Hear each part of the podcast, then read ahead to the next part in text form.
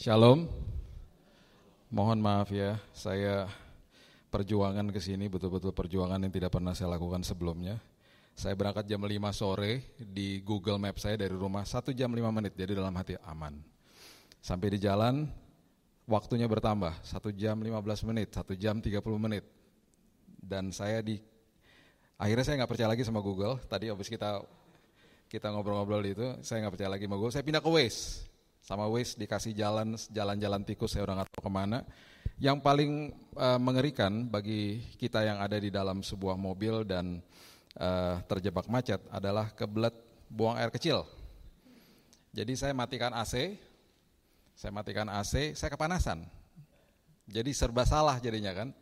Setelah semuanya dilakukan sudah dekat, jarak tinggal 800 meter di sini, berhenti juga di ujung sini. Dan uh, setelah udah hampir dekat lagi, hati udah mulai senang, ditabrak sama motor. Yang belakangnya ada makanannya lah pokoknya. Jadi dia lebih lebar gitu. Dia dia nggak bisa kira-kira uh, jadinya ya. Jadi seret semuanya. Saya udah nggak lihat lagi lah. Terus sampai di sini dibilang ke B3 katanya. Jadi saya ke B3, dibilang di situ nanti ada yang nunggu. Tidak ada satupun orang di B3. Jadi saya bingung, gimana nih? Terus saya cari-cari-cari lift, nggak ada yang bisa kebuka ketemu satu lift, ternyata lift bareng. Saya pencet juga nggak bisa ke ground. Jadi saya kebawa ke lantai berapa tadi, 21 apa gimana, ada yang buka dan ada yang bu lagi mau buang sampah, saya bilang, mas saya butuh ibadah mas. Dia bingung ngeliatin saya, ibadah, maksud saya saya perlu ke ground floor, ke lobby, baru akhirnya saya ke sini. Jadi perjuangan luar biasa perjuangannya. Ya. Oke, saya diberitahu ada tema tentang obedience, tentang sebuah ketaatan uh, yang perlu kita mengerti sebenarnya kalau kita mau membahas ketaatan itu sesuatu yang sangat unik sebenarnya. Kita ada di dalam sebuah uh, kerajaan, ya, saya suka dengan sistem kerajaan, uh, yang sebenarnya kita harus berhati-hati semua dari kita nih. Karena ada orang yang akhirnya berhadapan dengan Tuhan, ketaatannya itu dianggap sebagai sesuatu sosok kepada seorang dalam tanda kutip ya, dewa. Jadi ada rasa ketakutan sama dia. Kemudian ketaatan juga kalau kita tidak mengerti esensi daripada kita nih sebagai warga kerajaan surga, kita melakukannya juga akhirnya dengan sebuah, saya bisa katakan ketaatan itu sebagai sebuah umpan kepada Tuhan. Makanya ketika orang datang kepada Tuhan, kemarin saya baru ngobrol sama teman saya, teman dari lama, teman dari kecil, dia bilang, gue kan harus taat supaya gue dapat ini, ini, ini dari Tuhan. Gue kan harus taat supaya gue nanti dikasih kemudahan-kemudahan sama Tuhan. Berarti ketaatannya dalam tanda kutip umpan. Makanya saya nggak heran ketika orang kasih perpuluhan, dia juga ngomongnya begitu sama Tuhan. Tuhan 10 persennya, balikin ya berkali-kali lipat. Emangnya 90 persennya punya siapa? Punya Tuhan juga. Mazmur 24 mengatakan apa pun yang ada di bawah langit adalah milik kerajaan surga. Jadi akhirnya ini yang harus kita mengerti, ketaatan itu apa gitu di dalam Tuhan. Dan ketaatan hal yang sangat sederhana, hal yang sangat simple sebenarnya, tapi juga di satu sisi juga susah loh bagi kita untuk melakukan itu. Uh, saya ada sebuah pelajaran yang namanya eksposisi tentang perjalanan ke Emmaus. Itu sebenarnya adalah transisi ketika Yesus mau naik ke surga, dan sebentar lagi secara fisik dia tidak ada lagi di tengah-tengah kita. Dan itu dia berikan kepada kedua muridnya dan itu adalah sebuah pelajaran yang sebenarnya uh, prioritasnya dia ketika dia baru bangkit, dia kejar kedua muridnya dan kedua muridnya juga dalam tanda kutip nggak penting juga. Yang satu Kleopas, satu lagi kita nggak tahu namanya siapa, bukan ring satunya dia, dikejar sama dia karena ada sebuah pelajaran yang mau diberikan kepada kepada mereka. Dia dengan sengaja membutakan mata mereka dan kemudian diajarin firman Tuhan. Lagi diajarin, sebentar lagi dia nggak ada di sini secara fisik. Jadi saya ngerti ketika berhadapan dengan jemaat, saya mengerti bagaimana kita ini di, membaca firman dan kita di, dituntut gitu ya untuk taat kepada sosok yang kita nggak pernah ketemu secara fisik. Dan kita hanya bergantung kepada kalau dulu kita bilangnya kitab kudus sekarang Samsung kudus gitu ya. Kan semuanya ada di sini sekarang ini. Nah, makin sulit gitu loh. Jadi kita membaca tulisan-tulisan ini yang akhirnya lama-lama Oke deh, lagi dalam keadaan oke-oke, kita oke-oke aja. Dalam keadaan sulit, tulisan loh ini. Dan kita harus terus mengingatkan diri kita, ini tulisannya Tuhan. Ini firmannya Tuhan. Berapa bulan yang lalu uh, anak saya, saya kalau uh, hari-hari biasa profesi saya supir ya, supir. Jadi saya punya dua bos. Uh, yang satu yang umur 12 tahun, yang satu lagi bos saya dua tahun lebih muda dari saya, istri saya. Jadi saya ngantar anak saya ke sekolah nih. Ya, antar anak sekolah, anak saya yang 12 tahun, saya antar ke sekolah, di dekat sekolah dia bilang, Dad jangan anterin uh, ke sekolah, dropin aku di stadion. Di stadium dekat situ karena ada olahraga. Oke, saya drop dia di situ. Kemudian dia bilang gini, on the way pulang Dad, tolong dropin tas-tasnya aku di satpam sekolah. Kan lewat sekolah. Oke bos. Dia udah drop, dia udah udah turun, saya bawa tasnya, saya on the way ke sekolah. Ya, saya on the way ke sekolah. On the way ke sana, bos besar telepon, istri saya telepon. Kamu tahu nggak itu anak lupa makan sarapannya, rotinya ketinggalan di atas meja. Oke.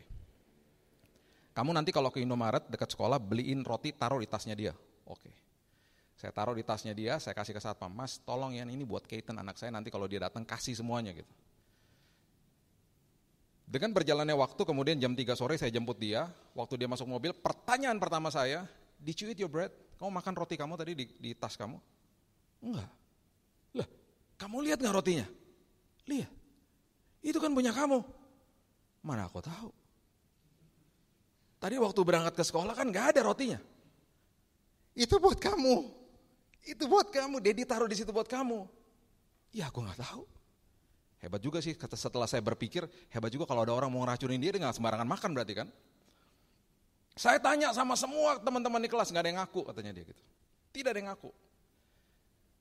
Terus akhirnya kamu gimana? Ya betul-betul aku nggak makan, karena aku betul-betul nggak tahu itu punya siapa. Terus dia bilang gini sama saya, Dad, we have no way of communication. Kita nggak punya cara berkomunikasi. Aku nggak bawa nggak bawa HP kan? Lain kali, Dad, tulis di kertas. Kasih tahu, sederhana, right? Simple kan? Tulis aja, Keaton, ini buat kamu. Makan ya, ini dari Dedi. Terus tanda tangan kayak tulis apa kayak gitu. Dan aku makan setelah itu. Saya mikir, benar juga ya. Yang saya sangat kagum setelah itu, tanpa saya harus ada di situ, dia percaya sama tulisan saya. Makanya perjalanan ke Emmaus mengatakan, hati kami tadi berkobar-kobar ketika dia menjelaskan tentang firman. Ketika mereka udah lihat Yesus dan Yesusnya hilang. Kalau kita baca firman dan hati kita nggak berkobar-kobar, it's something wrong with us. Ada yang salah sama kita. Dan ini adalah betul-betul tulisannya dia. Kalau ada orang tanya lagi sama saya gini, jemaat tanya, Pak gimana cara dengar suara Tuhan? Sebenarnya sederhana sih, dua tahun yang lalu di yayasan kami, kami mengeluarkan buku namanya Perkumpulan Perkataan-Perkataan Yesus. Untuk memudahkan jemaat untuk tahu bahwa ini yang tulisan merah di Alkitab saudara itu, kita bukukan jadi satu buku, sederhana sih sebenarnya. Supaya apa? Kita tahu, kalau misalnya mau dengar suaranya Tuhan, baca itu, kemudian kita akan dengar di telinga kita, kita dengar suara Tuhan. Makanya iman timbul dari pendengaran akan firman Allah. Nah, kembali lagi saya ngerti, dia nggak ada secara fisik di tengah-tengah kita. Dia nggak ada. Makanya kalau misalnya dia ada mau diundang sama Pak Wigan ke sini mungkin harus tunggu lima tahun karena dia harus ke mana-mana kan. Dia akan sulit Instagramnya mungkin paling banyak followersnya dan lain sebagainya. Ya. Tapi dia harus naik supaya dia jadi maha hadir. Dia harus naik supaya dia jadi omnipresence. Di mana pun ada ibadah hari ini dia hadir. Dan saya ngerti, saya ngerti ketika berhadapan dengan jemaat dan juga saya sendiri. Kita hanya di, diberikan firman yang tertulis. Dan kita harus terus ingatkan diri kita bahwa itu firman hidup, itu firman yang betul-betul nyata, itu punya dia dan dari dia. Dan itu dia. Dan kita diperhadapkan dengan banyak pergumulan dalam hidup ini yang memang orientasinya mengerikan karena dunia yang penuh dengan dosa ini. Saya ngerti, saya ngerti jeritan hati jemaat dan lain sebagainya. Alhasil akhirnya dalam tanda kutip hamba Tuhan dikultuskan. Karena dianggap hamba Tuhan itu paling dekat sama Tuhan. Karena Yesusnya tidak secara fisik tidak ada. Jangan seperti itu ya. Kita udah tahu lah, kita udah tahu jawaban itu sudah cukup dewasa pasti ya. Dua tahun lalu saya doakan tujuh orang sakit, semuanya meninggal ya. Jadi nggak bisa kultuskan nama Tuhan gitu ya. Tadi yang mau minta doain dalam hati langsung nggak jadi pasti. Tadinya gue mau minta doain sama dia nggak jadi deh. Sampai saya dipanggil sama sebuah keluarga gitu ya, Pak. Kita dengar katanya Bapak kalau doain orang cepat ketemu Yesus Pak katanya. Gini Pak, ini ibu udah sakit-sakitan gitu ya. Eh sorry Papa udah sakit-sakitan ada di rumah. Bapak berkenan nggak datang ke sini Pak? Buat apaan? Saya bilang gitu. Ya kita udah pasrah sih Pak, kita minta Bapak doakan semoga yang terbaik terjadi katanya gitu. Rohani banget ya ngomongnya, yang baik terjadi. Saya karena ada waktu saya datang. Di tengah jalan saya sama istri saya, dia bilang gini, lucu ya biasanya hamba Tuhan diminta untuk doa kesembuhan, ini doa kematian gitu.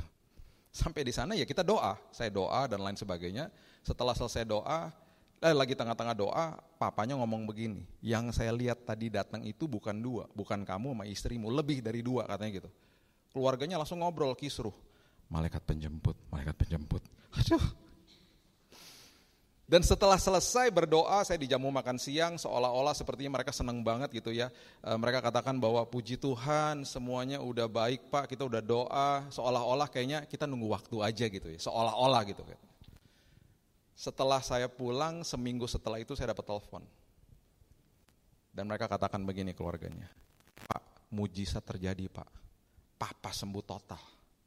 Papa jalan sembuh total, bisa kita ajak jalan-jalan, dan seperti itu dapat organ-organ baru gitu. Uh, saya seneng banget dong. Saya kasih tahu istri saya, kamu tahu gak sih om sembuh loh. Istri saya bilang gini, luar biasa, pasien pertama sembuh. Yang lain meninggal semua. Gak bisa kultuskan nama Tuhan. Oke, dari perjanjian lama sampai perjanjian baru, semuanya serba fisik di perjanjian lama, ya. Kemudian di perjanjian baru semuanya dilihat dari dalam sini. Kalau kita mau bahas soal ketaatan dari zaman dulu, semuanya orientasinya pengorbanan. Orientasi pengorbanan. Orang yang kaya beli lembu sapi, kelas uh, menengah kam, uh, kambing domba, paling bawah burung tekukur. Dan semuanya dilakukan dengan prosesi ditaruh tangannya si pendosa itu di atas hewan tersebut, seolah-olah dosanya tertransfer, binatangnya dikorbankan. Orientasinya pengorbanan datang kepada Tuhan harus ada mesbah. Ya.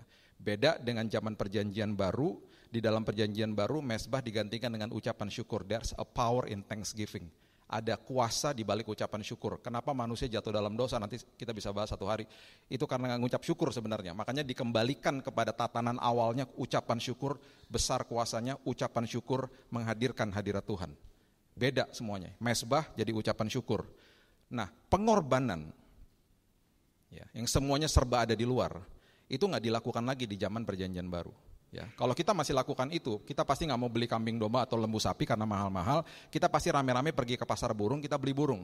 Karena tiap hari pasti kita berdosa dan kita pasti akan mengorbankan burung tekukur. Ya, karena kita mau, karena kita tahu setiap hari dosa sengaja atau tidak sengaja, kita akan beli burung tekukur untuk stok satu bulan misalnya. Oke lah, mungkin nggak satu bulan lah, setengah bulan lah. Kita ke pasar burung beli stok burung tekukur 15 setengah bulan. Tukangnya kan bingung, masnya. Lagi demen burung pak? Enggak. Terus disuruh jelasin, kita juga malas jelasinnya.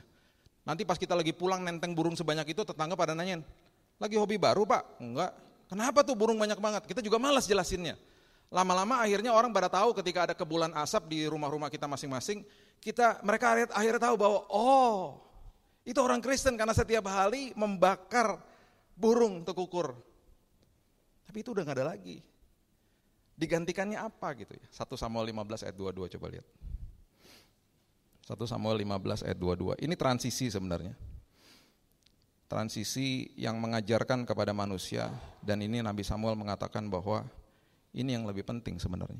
1 Samuel 15 ayat 22 mengatakan begini. Jawab Samuel, apakah Tuhan itu berkenan kepada korban bakaran dan korban sembelihan?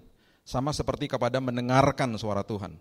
Sesungguhnya mendengarkan lebih baik daripada korban sembelihan, memperhatikan lebih baik daripada lomba, uh, lemak domba-domba jantan.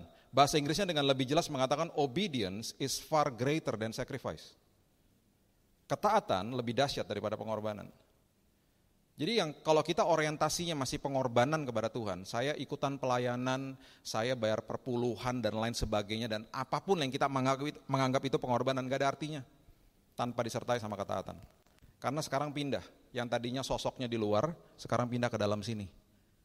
Makanya dikatakan begini, apabila engkau melihat wanita sudah menginginkan, engkau sudah sama dengan berzina, walaupun secara fisik tidak melakukan perzinahan. Karena orientasinya dipindahin ke sini. Apabila engkau membenci saudaramu, kau sudah, sudah sama dengan pembunuh, walaupun secara fisik nggak bunuh orang. Ketaatan lebih dahsyat daripada pengorbanan. Pengorbanan gak tidak ada artinya tanpa disertai sama ketaatan. Pertanyaan yang paling penting setelah itu, ya, pertanyaan yang paling penting. Gimana caranya Pak ketaatan? Kita kan susah, daging kan kuat. Betul dan saya akan bilang setuju. Setuju. Kan susah Pak untuk taat setiap hari, setuju. Ini saya bicara dari pengalaman aja ya. Ya, beberapa orang-orang yang datang kepada saya misalnya minta didoakan dan lain sebagainya, ada yang pergumulan dosa ini, dosa ini dan lain sebagainya. Ini hanya enam orang dalam kurun waktu kira-kira dua tahun nih kejadiannya kira-kira lima tahun lalu gitu ya. Uh, mereka minta didoain karena mereka bergumul mereka mau lepas rokok. Sederhana lah mau lepas rokok gitu. Biasanya orang kalau mau lepas rokok kalau kita tahu ataupun mungkin kita juga pernah bergumul kita dulu mungkin begini. Ah, gue kurang-kurangin deh, gradually juga pasti nanti akan hilang sendiri gitu ya. Mereka juga bilang begitu, mereka bilang begini, Pak saya janji sama Tuhan Pak, saya udah janji, saya tidak akan lagi mau ngerokok dan saya akan ngurangin Pak. Saya bilang gini, bagus deh, saya biasanya biarkan itu terjadi dan kemudian saya mau lihat apa sih yang terjadi sama mereka gitu ya.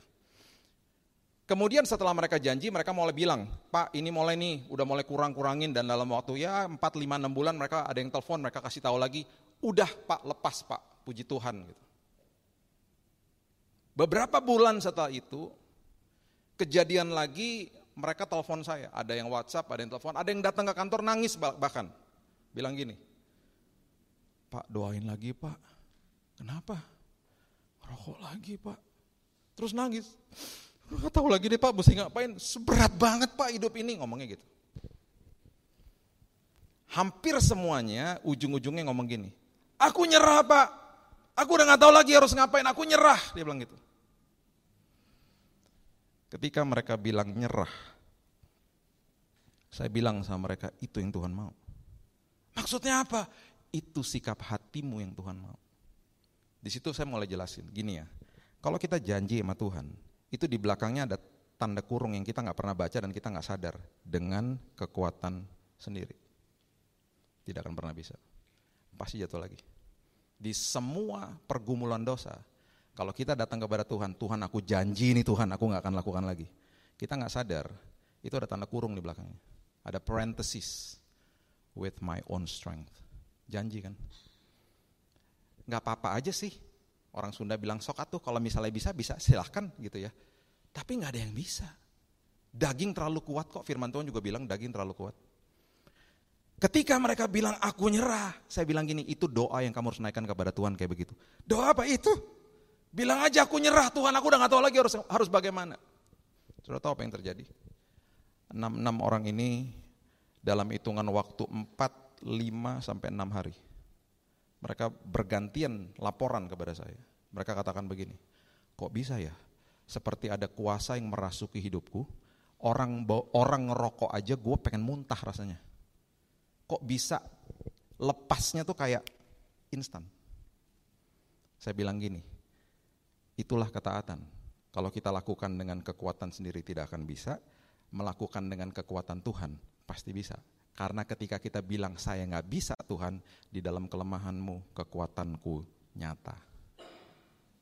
Ketika saudara mau jatuh ke jurang, saudara lagi pegangan sama ranting. Yesus datang begini, sini aku tolongin. Enggak, enggak, aku bisa, aku bisa, minggir Tuhan, minggir. Jatuh enggak? Jatuh beneran. Sini aku tolongin. Ya Tuhan aku gak bisa emang. I cannot do this, aku gak bisa. Di dalam semua aspek kehidupan kita. Datang kepada Tuhan, Tuhan aku sudah dibenarkan, I'm the righteousness of God through Christ. Saya sudah dibenarkan oleh Tuhan. Dan aku pada hari ini Tuhan aku gak mampu dan aku gak bisa lakukan itu. Dan aku percaya aku mau bebas Tuhan. Aku nyerah, aku gak harus, aku gak tahu lagi harus bagaimana. Ketaatan sanggup dengan kekuatan Tuhan. Jangan mempermainkan kasih karunia.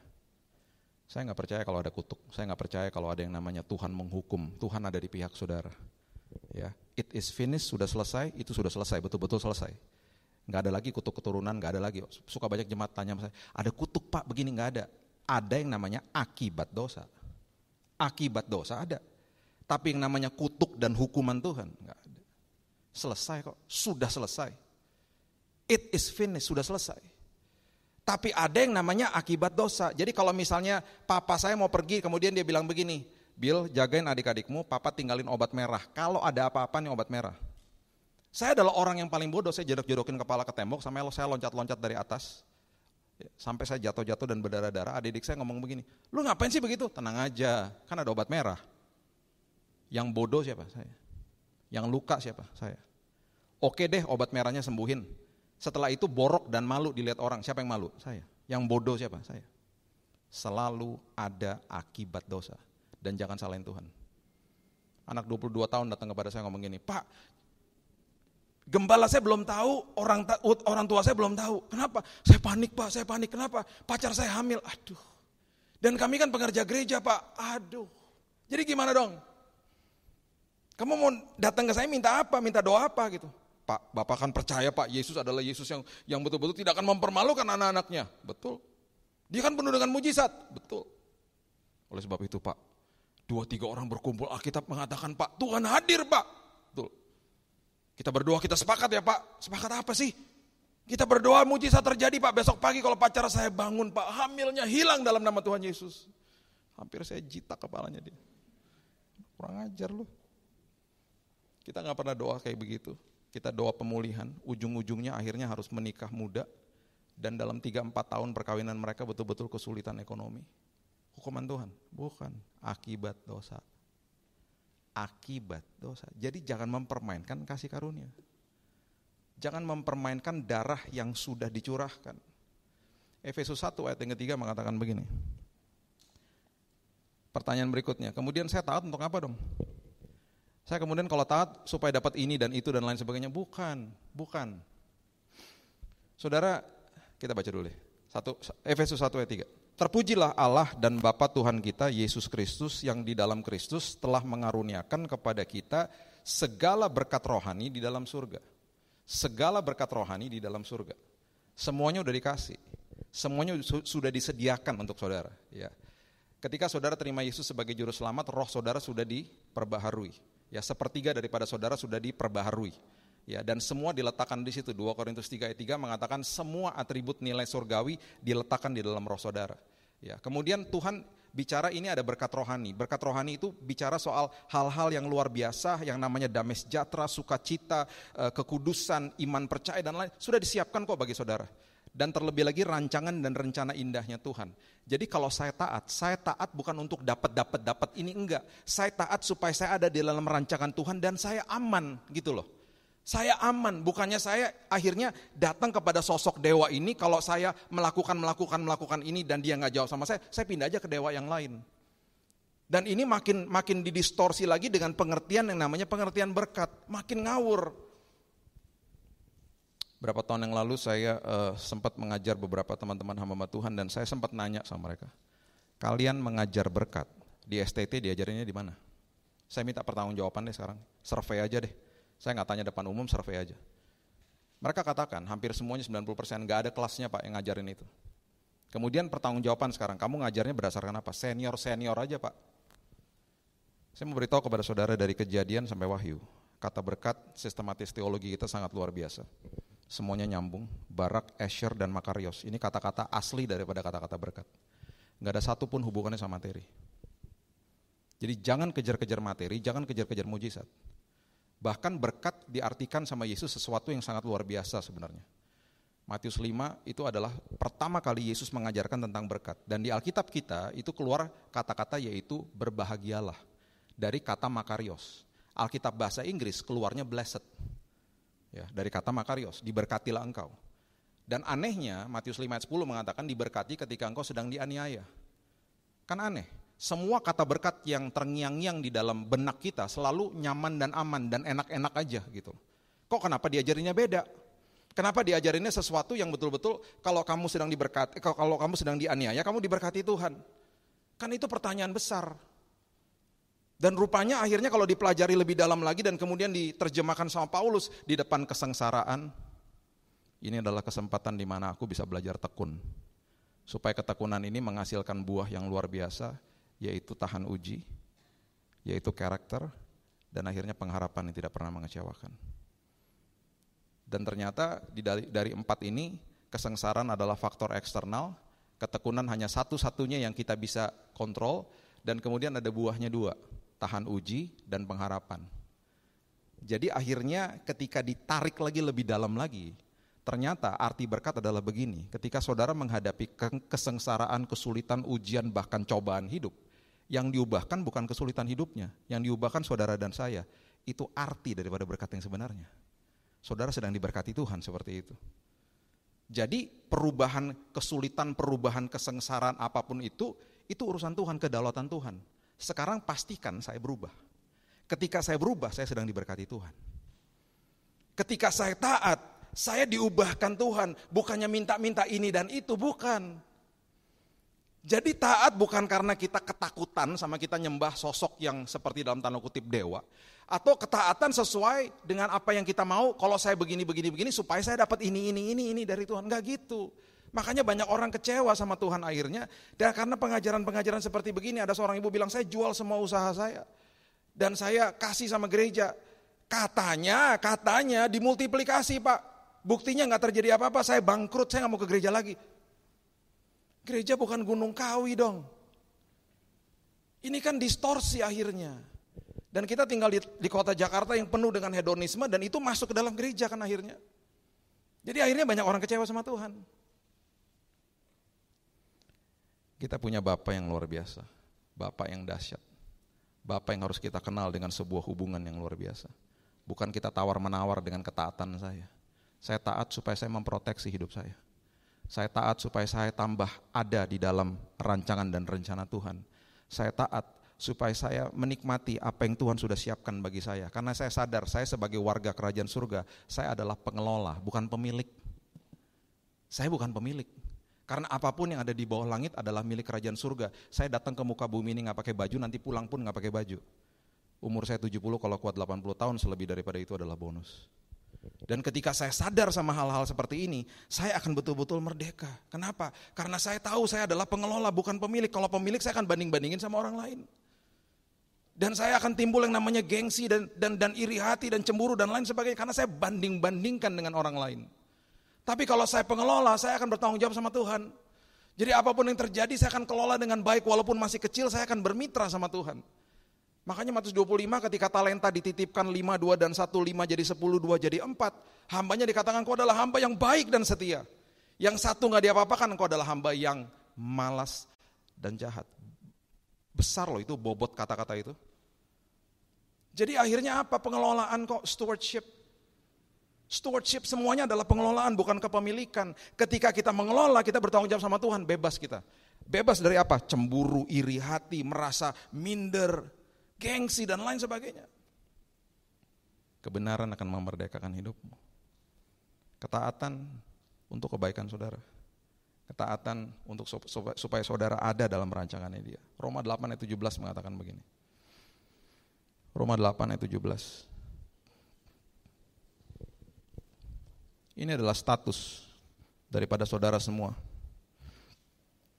Jika kita adalah anak, maka kita juga adalah ahli waris. Maksudnya orang-orang yang berhak menerima janji-janji Allah. Yang akan menerimanya, menerima janji-janji Tuhan, menerima rancangan Tuhan, menerima rancangan dan rencana yang sudah sangat indah disiapkan bagi saudara. Bersama-sama dengan Kristus, yaitu jika kita menderita bersama-sama dengan dia supaya kita juga dipermuliakan bersama-sama dengan dia. Kita menderita itu artinya simpateko, simpateko itu artinya taat.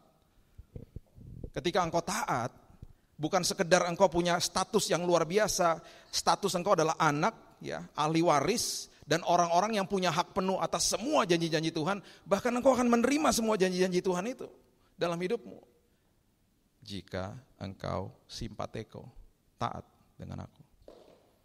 Saudara, uh, firman Tuhan mengatakan begini, langit adalah tahtanya, bumi adalah tumpuan kakinya. Kalau saudara mau merasa kecil, ya, saudara baca aja itu. Coba Yesaya 66 ya. Yesaya 66 ayatnya yang ke pertama kedua kalau nggak salah. Yesaya 66 ayat pertama ya. Beginilah firman Tuhan, langit adalah tahtaku, bumi adalah tumpuan kakiku, rumah apakah yang akan kamu dirikan bagiku, dan tempat apakah yang akan menjadi perhentianku. Bukankah tanganku yang membuat semuanya ini sehingga semuanya ini terjadi demikianlah firman Tuhan. Tetapi kepada orang inilah aku memandang orang-orang yang tertindas, patah semangatnya dan yang gentar kepada firmanku.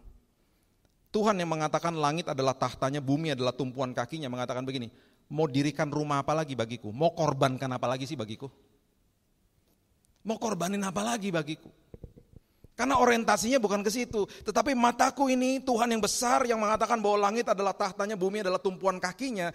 Tuhan yang besar ini mengatakan mataku tertuju kepada orang-orang yang gentar kepada firmanku.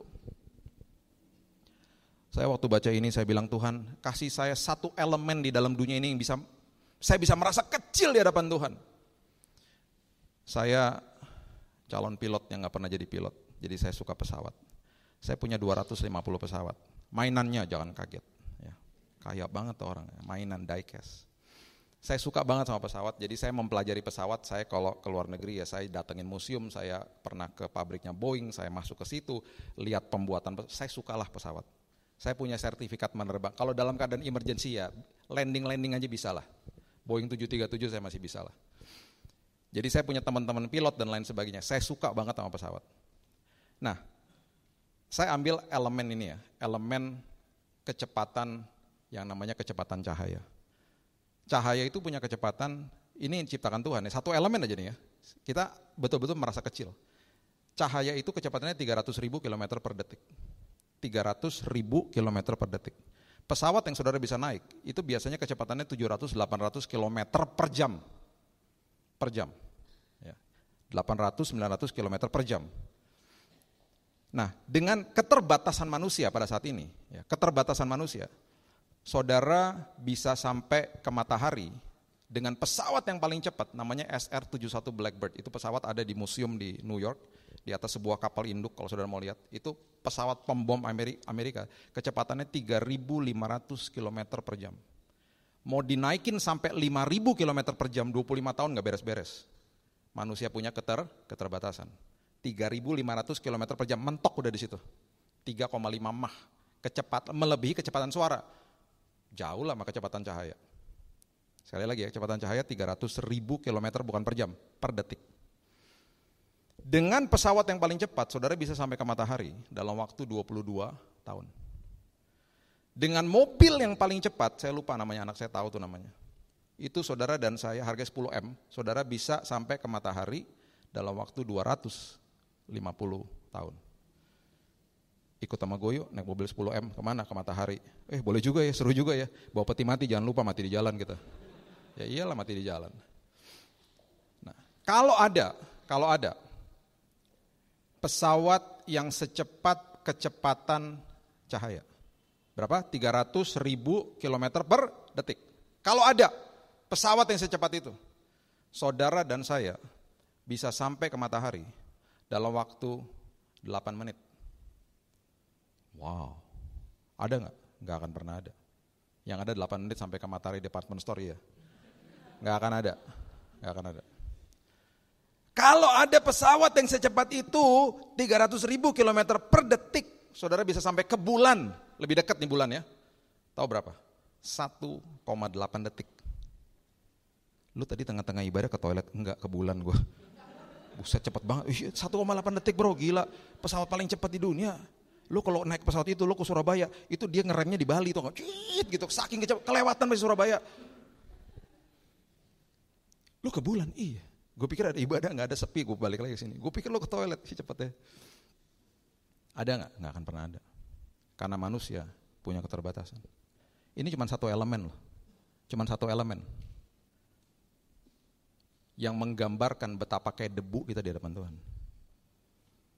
Dan Tuhan yang besar ini mengatakan begini, jangan korbanin-korbanin apa-apa lagi di buat saya. Dalam tanda kutip bahasa Jakarta yang kagak penting. Mataku memandang kepada orang-orang yang gentar kepada firmanku. Bukan karena aku membuat kamu takut, enggak. Untuk kebaikanmu kok. Dan aku taat bukan karena minta-minta berkat ini. Udah mintanya berkat, salah pengertiannya lagi. Jadi ingat, Berkat adalah ketika saudara menghadapi kesengsaraan hidup. Yang diubahkan bukan masalahnya. Yang diubahkan saudara dan saya. Saudara sedang diberkati Tuhan. You are being blessed. Jadi kejar itunya. Anak saya yang pertama sekarang sudah 19 tahun. Waktu dia masih kecil dia suka ngelukis. Dia suka banget ngelukis. Umur 4 tahun saya lagi jemput dia. Ya, jemput dia di di sanggar melukis lah ya.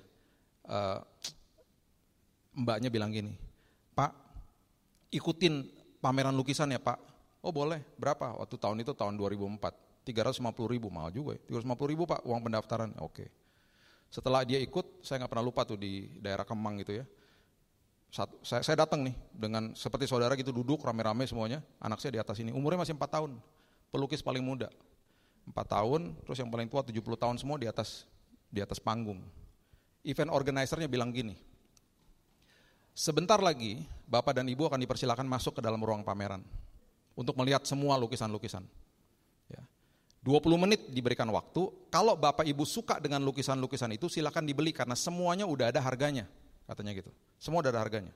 Ketika terjadi transaksi, kami akan membubuhi stiker warna oranye. Pertanda bahwa lukisan itu sudah terjual. Setelah 20 menit baru semua pelukis-pelukis ini dipersilakan masuk join dengan Bapak Ibu sekalian. Oke. Jadi waktu kita di, kita dipersilakan masuk, saya nyari lukisan siapa waktu saya masuk ke dalam. Ya anak saya lah, saya nggak peduli main lain. Saya langsung ke bagian anak-anak. Saya lihat dari jauh tuh tulisannya Raina, Ebi, oh itu anak saya. Dari jauh saya lihat harganya 350 ribu. Wah, dihargain segitu. Saya mendekat, mendekat, mendekat. Kemudian saya mulai bingung. Ini ngelukis apa ya ini anak? Saya nggak begitu-begitu art gitu ya orangnya gitu ya. Saya yang real-real aja gitu. Ini apa ya? Ngelukis apa nih? Nggak ngerti saya. Ngelihat dari kanan makin nggak ngerti, dari kiri makin nggak ngerti, dari bawah makin nggak ngerti, tiba-tiba timbul perasaan. Jelek banget lukisannya. Ada perasaan itu di dalam hati. Dengan berjalannya waktu, lukisan-lukisan di sebelahnya dia udah mulai laku. Dibeli orang yang di bagian anak-anak.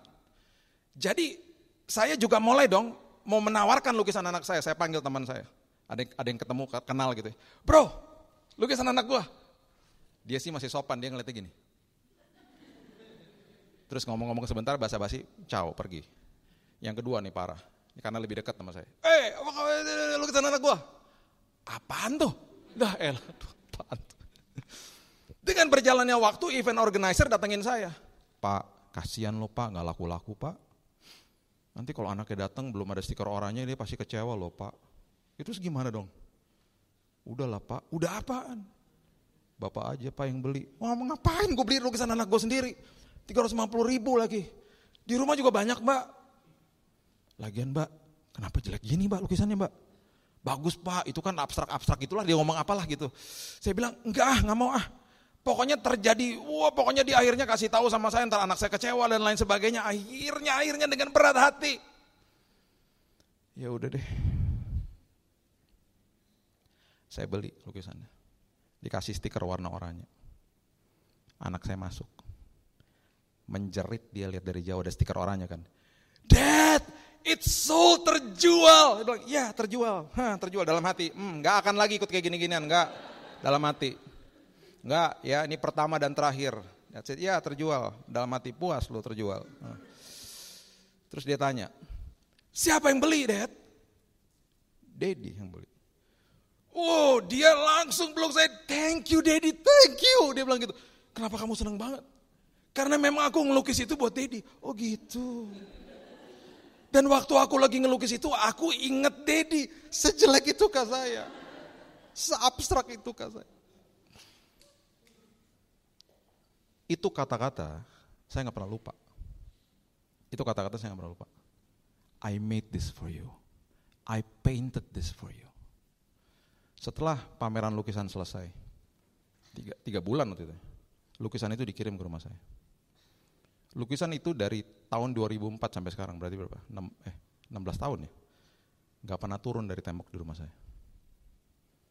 Beberapa kali ada di kamar adiknya, kita pernah lagi habis mesbah keluarga malam-malam, kita keluar dari kamar, saya ngeliat tuh lukisan beberapa tahun yang lalu, tetap pendirian saya tetap sama. Hmm, jelek, tetap sama. Tapi lukisan itu tidak akan pernah turun dari tembok di rumah saya. Kenapa? Dad, I made it for you. Aku buat itu untuk Daddy. Saudara mungkin datang ke ibadah. Saudara kasih pengorbanan suara saudara untuk Tuhan suara saudara fales, nggak nggak nggak nggak lebih baik dari WL lah pokoknya ya. Suara kita banyak yang fales.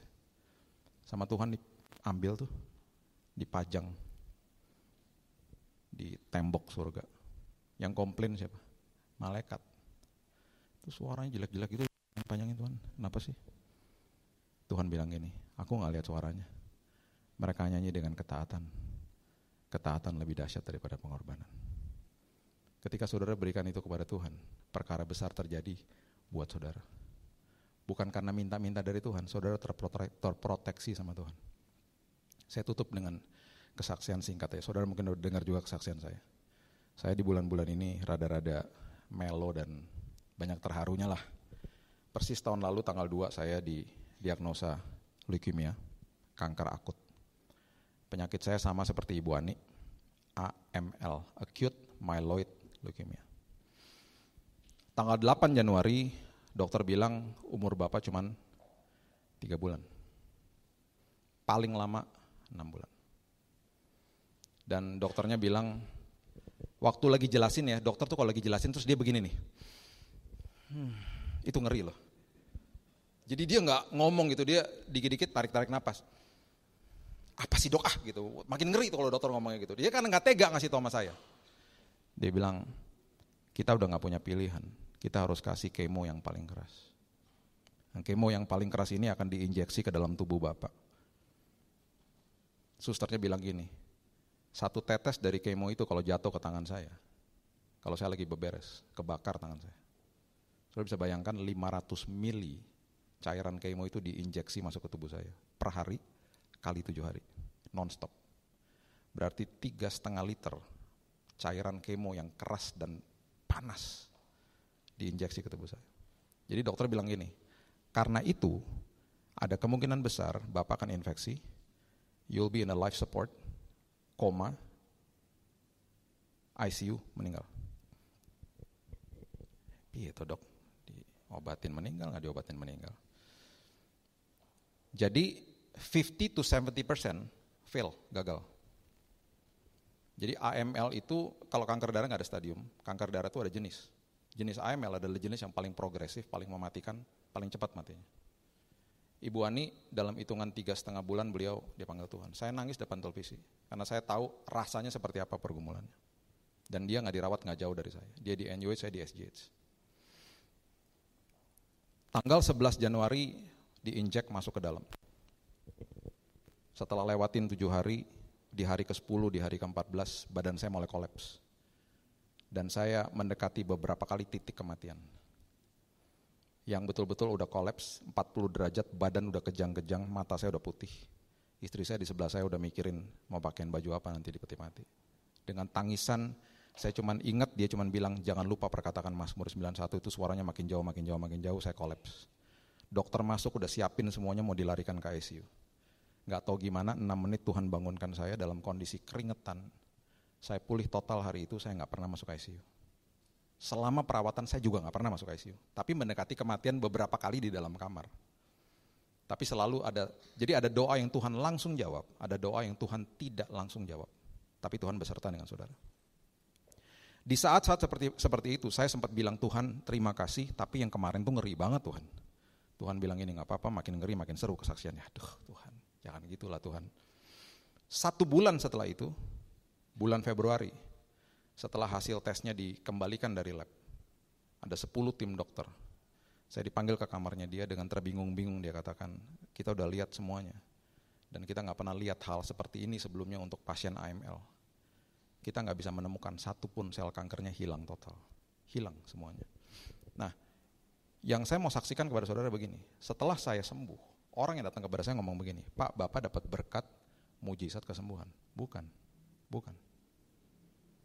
Saya dapat berkat, yaitu saya, istri saya, dan kedua anak saya diubahkan Tuhan. Diubahkan Tuhan. Mujizat kesembuhan itu bonus. Itu bonus. Bonus. Tuhan kalau melakukan mujizat tinggal balikin tangan, terjadi mujizat. Tapi yang namanya perubahan karakter, dia tidak akan paksa saudara. Makanya di perjalanan kayak Maus ada satu kata mengatakan satu satu satu ayat mengatakan dia berbuat seolah-olah ingin meneruskan perjalanan. Dia nggak pernah paksa masuk. Dia akan kejar saudara, dia akan ajar saudara, dia akan kasih tahu segala macam kepada saudara di satu titik. It's all your decision. Semuanya keputusan saudara. Dia nggak akan paksa. Makanya ketika saudara diubahkan Tuhan, saudara sedang diberkati sebenarnya sama Tuhan. Karena saudara yang mengambil keputusan untuk berubah setiap hari. Tahun 2020 kejar perubahan karakter. Taat bukan dengan kondisi, taat bukan dengan syarat. Sadrak Mesak mengatakan, aku tetap akan taat, aku tidak akan menyembah dewa yang Tuhan kudirikan. Jeblosin aja kami mati. Mati ke dalam nggak apa-apa. Aku tahu Tuhanku sanggup, tetapi seandainya tidak, tetap jeblosin kami ke dalam situ. Aku tahu Tuhanku sanggup, seandainya tidak nggak apa-apa. Yang penting aku berubah karakterku. Aku taat untuk aku, supaya aku terproteksi. Hidup aku ada dalam rancangan Tuhan. Apa pun yang terjadi, ketika saudara diubahkan Tuhan, itu adalah berkat yang sejati. Ya. Masuk dalam tahun 2020 saya berdoa, semua jemaat di tempat ini diperlengkapi sama Tuhan dengan firman Tuhan, dan di ujung tahun ini akan banyak kesaksian keluar dari hidup saudara. Berikan tepuk tangan kita untuk Tuhan kita. Thank you Jesus.